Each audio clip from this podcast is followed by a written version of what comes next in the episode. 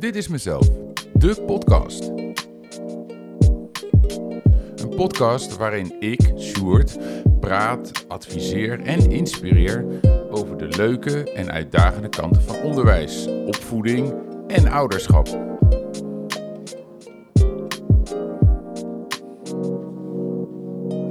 Of je nou werkzaam bent in het onderwijs en ouder bent of gewoon nieuwsgierig naar de fascinerende wereld van kinderen en alles daaromheen, dan is dit de podcast voor jou.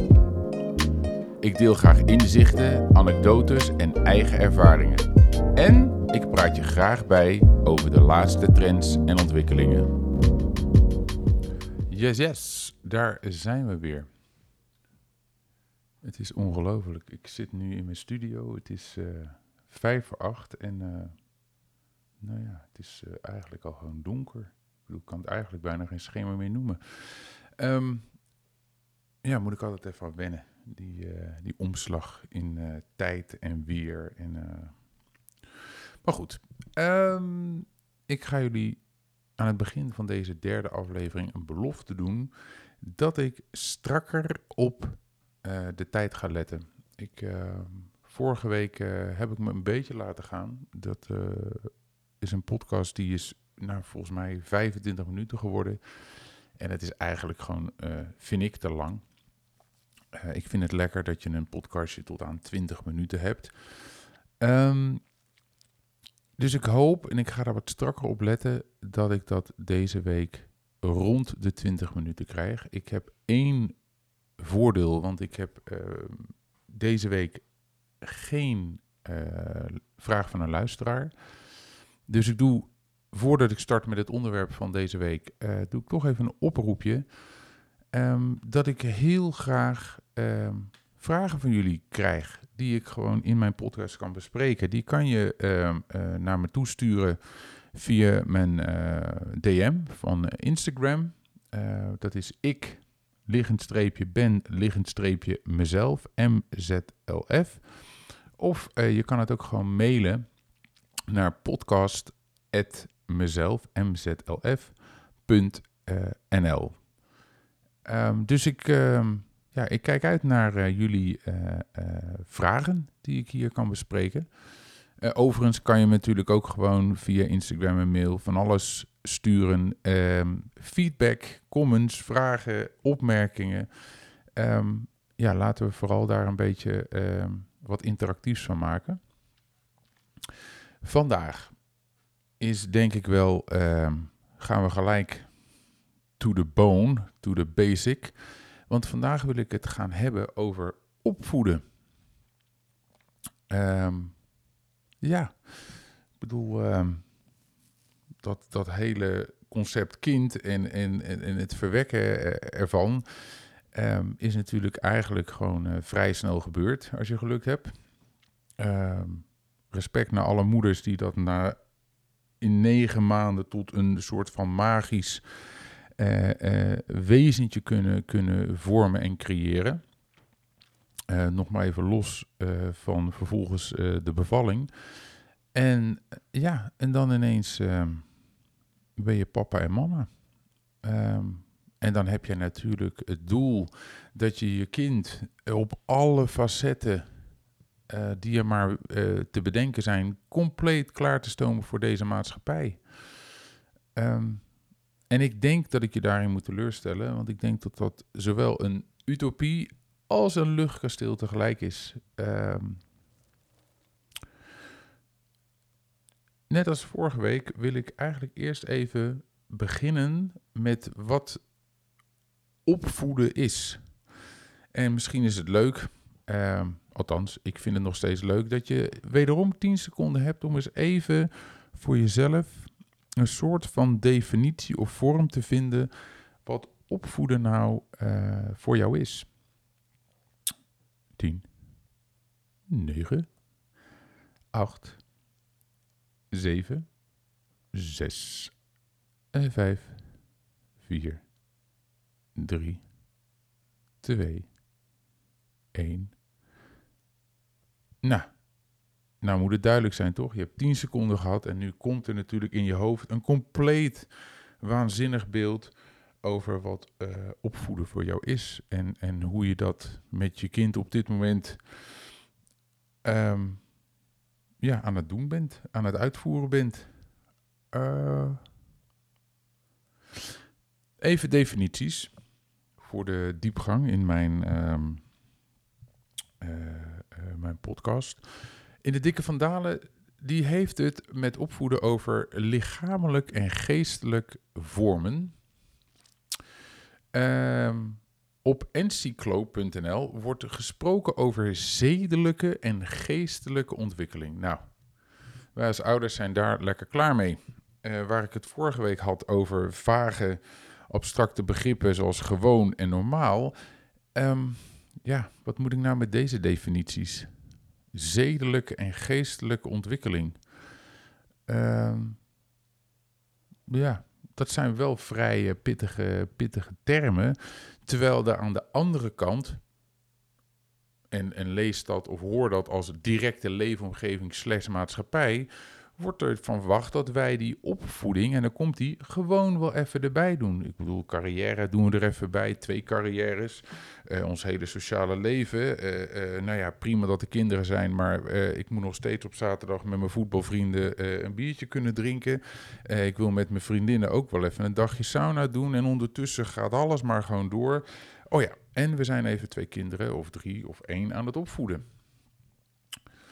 Um, belangrijk ook hier is, en dat heb ik vorige week volgens mij ook aangestipt, is dat onze eigen opvoeding een enorm, van enorme invloed is. Of je dat nou wil of niet en hoe bewust of onbewust dat gebeurt. Maar je eigen opvoeding ehm, is, is echt een van de uh, invloeden, grote invloeden op hoe jij um, jouw kind aan het opvoeden bent. Uh, maar ja, hoe reëel is dat? Ik bedoel, je bent zelf opgevoed in een tijd. We zijn inmiddels zoveel jaar later. Uh, de wereld is veranderd. Uh, de wereld waarin jouw kind nu aan het opgroeien is, is een compleet andere wereld dan toen jij zelf uh, die leeftijd had en, en, en opgevoed werd door je ouders. Dus dat is één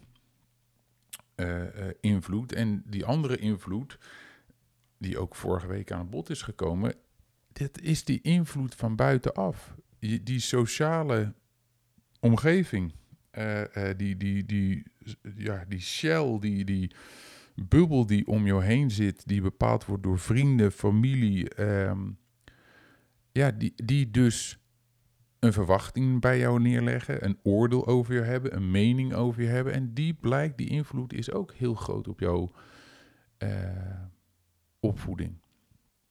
Nou goed, laat ik ook vooral duidelijk zetten, dat moet ik misschien nog wel als disclaimer in mijn uh, omschrijving zetten. Um, ik heb de waarheid niet in pacht. Uh, niet, niet als onderwijskundige en al zeker niet als, als, als, um, ja, als ouder zelf, als ouder zijnde. Ik bedoel, ik kan me alleen een ervaringsdeskundige noemen. Ik heb zelf drie kinderen opgevoed. Althans, ben ik nog druk mee bezig, want volgens mij is dat opvoeden nooit. Uh, misschien noem je het eh, later uh, wat meer uh, begeleiden en coachen. Um, en er zijn ook duizenden boeken geschreven over opvoeding. En ja, waar zit de waarheid? Ik, ik geloof nog steeds in dat je ook vooral jezelf de vrijheid moet geven en, en, het, en de kracht en de power om, om zelf dingen te zien, te ontdekken en, en te bepalen wat wel en niet goed is. De basis is natuurlijk dat jij als ouder een bubbel wil creëren uh, die veiligheid biedt. Maar, hè, dat hoor je natuurlijk ook steeds vaker, er moet vooral ook genoeg ruimte zijn uh, ja, dat, dat, dat je kind aan zelfontwikkeling toekomt en aan zelfontplooiing. En ja, dat is een moeilijk spanningsveld. Want wanneer laat je je kind los en wanneer denk je dat je kind beschermd moet blijven? Uh, mijn kind kan het niet, dus ik laat het hem ook niet doen. Dat is iets wat ik toch in mijn praktijk en in mijn ervaring uh, de laatste tijd veel uh, tegenkom. Hè? Um, ja, terwijl ik dan denk, ik ben heel erg van laat een kind vooral dingen proberen. Hè? En dat kan ook in stapjes. Je hoeft niet een kind gelijk in het diepe te gooien. Uh, um, de, de key word in deze is, en ik ga niet Pipi Langkous citeren, zoals ongeveer 80, 90 procent van alle juffen in, op de basisschool doen. Maar er is wel een, dat woordje nog is heel belangrijk. Je gaat niet zeggen, ik kan het niet. Nee, mijn kind kan het nog niet. Um, ik ben in ieder geval, mijn overtuiging is, is dat je je kind in ieder geval niet helpt door maar te blijven beschermen. Omdat je uh, denkt van, oh ja, maar dat is eng. Dat uh, alleen naar het speeltuintje lopen of uh, kan ik hem een boodschap laten doen of, of moet ik hem wel of niet een telefoon meegeven? Of kan ik hem wel alleen laten met dat kind? Want ja, die was toch wel wat agressief de vorige keer. Al dat soort dingen uh, ja, ik, ik denk dat dat zit in jouw gevoel, dat zit in jouw zienswijze en dat zit vaak uh, als, als ouder, dat zit ook als onzekerheid in jou gebakken. Terwijl op een gegeven moment ga je dat punt, die onzekerheid en beren op de weg zien, dan ga je die zienswijze en dat gevoel overbrengen op je kinderen. En ja, ik geloof daar niet zo in dat dat goed is um, voor de opvoeding en ontwikkeling van je kind. Um, nou ja, even een kort voorbeeld. Uh, dat punt van, hè, wat je vaak tegenkomt, wanneer laat je nou je kind bijvoorbeeld voor de eerste keer alleen op de fiets naar school gaan? Dat zal natuurlijk met verschillende dingen te maken hebben. Uh, allereerst zal je kind de vaardigheden moeten hebben ontwikkeld om überhaupt te kunnen fietsen. Uh, een gegeven is ook de weg van huis naar school. Kijk, hier in Den Haag, uh, ja, daar liggen vrij veel tramlijnen. Um, ja, dat is, dat is natuurlijk wel gelijk een extra moeilijke dimensie. En, en ouders haken ook vaak af als er een drukke weg moet worden overgestoken. Dus in dit geval ook een trambaan. Um, belangrijk hierin is dat je, dat, je, dat je je kind kent, voelt, een inschatting kan maken. Um, is jouw kind nog vooral bezig uh, met de kleur van de bomen en hoeveel vogeltjes er in de lucht vliegen? dan is het wellicht verstandig om um, hem nog niet, hem of haar nog niet alleen dat stadsverkeer in te sturen. Um, werk daarin in stapjes. Hè. Luister naar wat je kind fijn vindt. Zie wat je kind fijn vindt. Je kan echt prima een inschatting maken.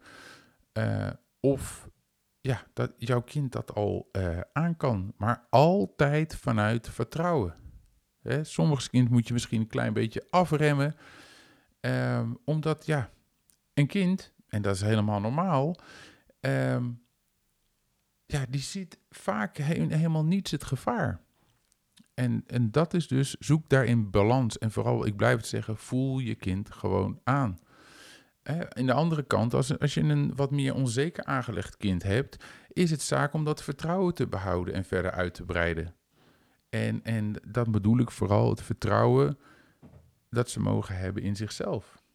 En dus niet de angst voelen of de onzekerheid voelen van, oh ja, mijn moeder vindt het eng. Dus vaak gaat een kind zichzelf dan ook gewoon het eng vinden. Um, stukje in opvoeding is, of een stukje, uh, een heel belangrijk stuk, zijn regels en grenzen. Um, vind ik een, een, een interessant uh, onderwerp, omdat dat ook zo verschilt van ouder tot ouder. Kijk, um, als je, er is namelijk sowieso een verschil tussen regels en grenzen. Uh, uh, als je een grens stelt, is dat een heel duidelijk signaal.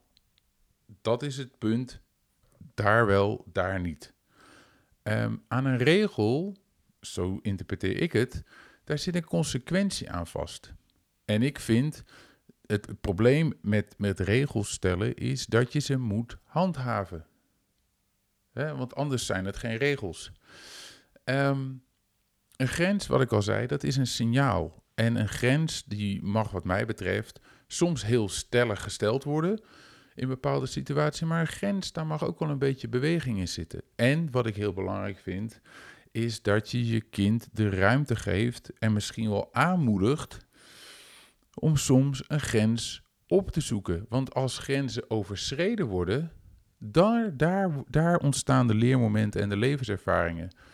Ehm, ik vind regels stellen niet altijd uh, de juiste vorm om voor jou als ouder om iets te bewerkstelligen.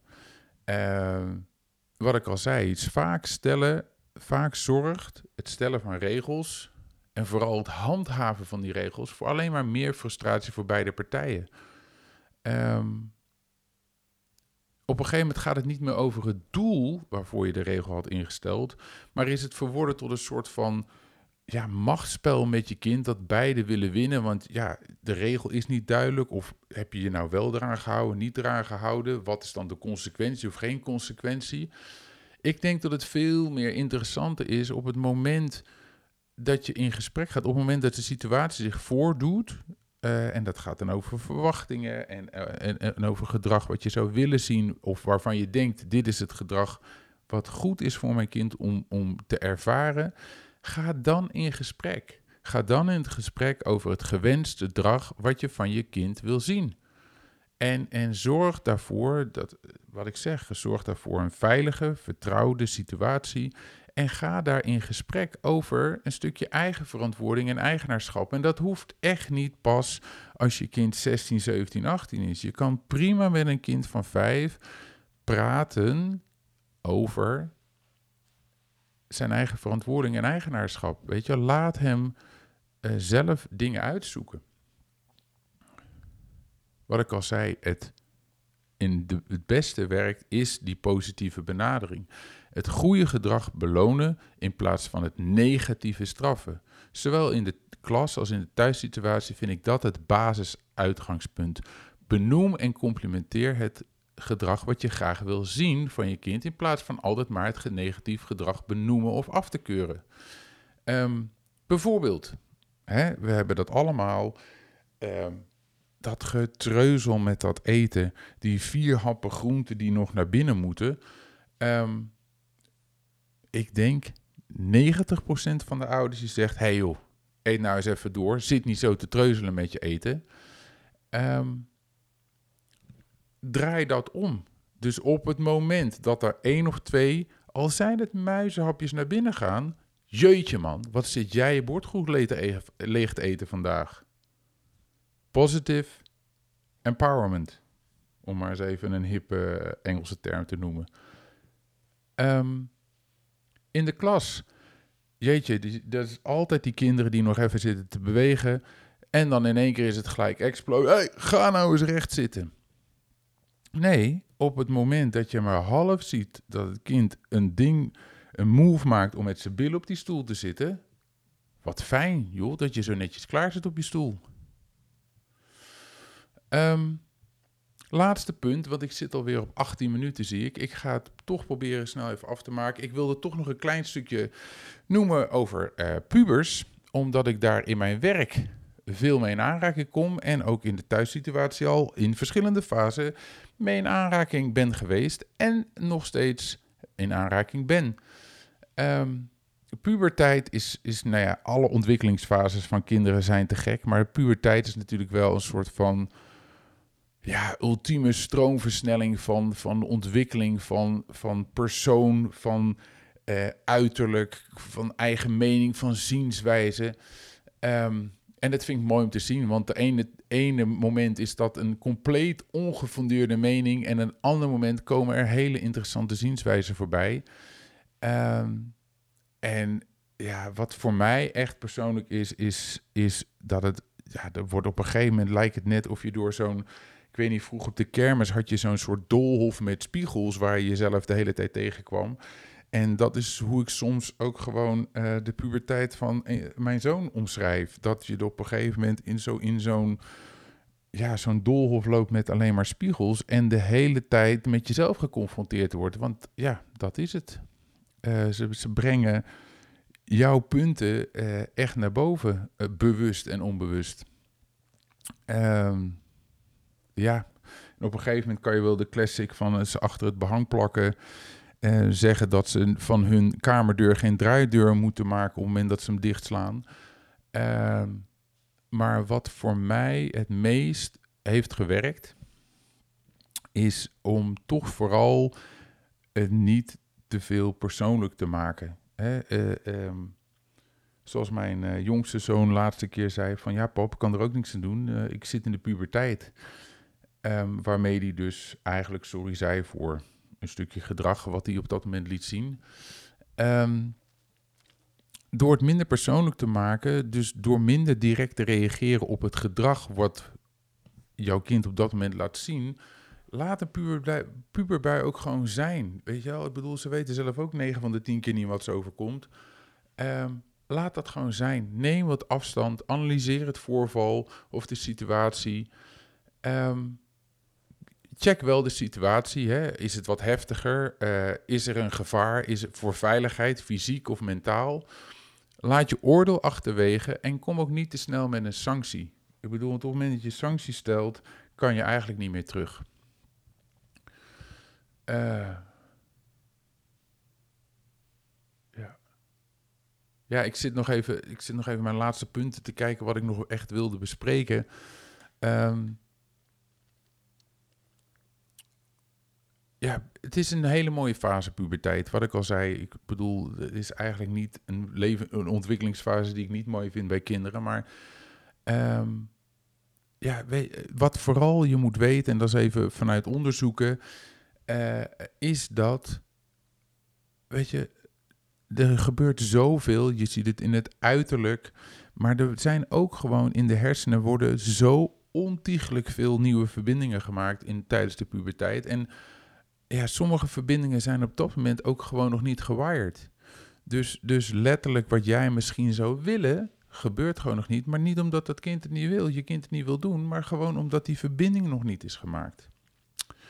Goed, 22 minuten. Mijn afsluitende opmerking die ik wilde maken is: please, wat mij helpt en wat ik ook heel veel ouders meegeef in mijn coachingtrajecten is: blijf zelf een beetje kind. Um, waardoor je dus ook nog steeds kan verplaatsen in je kind. Um, en dat helpt je met de communicatie. Uh, uh, heb interesse in uh, wat je kind als interesse heeft. Probeer dat, ook al is die vlogger dat je denkt, jeetje mineman, ik vind het ongelooflijk eikel. Maar kijk gewoon af en toe wat mee. vind je gamen niks? Kijk af en toe gewoon een keer een stukje game mee. Probeer er een beetje in te interesseren en te verplaatsen. Um, en alsjeblieft, waardeer de zienswijze van kinderen. Um, zij kunnen jou als ouder, jou als leerkracht zo ongelooflijk veel leren, maar daar moet je wel voor openstaan. Dit was hem voor deze week. Um, vergeet niet um, mijn Instagram, ik underscore ben underscore mezelf, MZLF. Of als je anders mij een mailtje wil sturen, podcast.mezelf.nl. Um, en dan spreek ik jullie graag volgende week weer.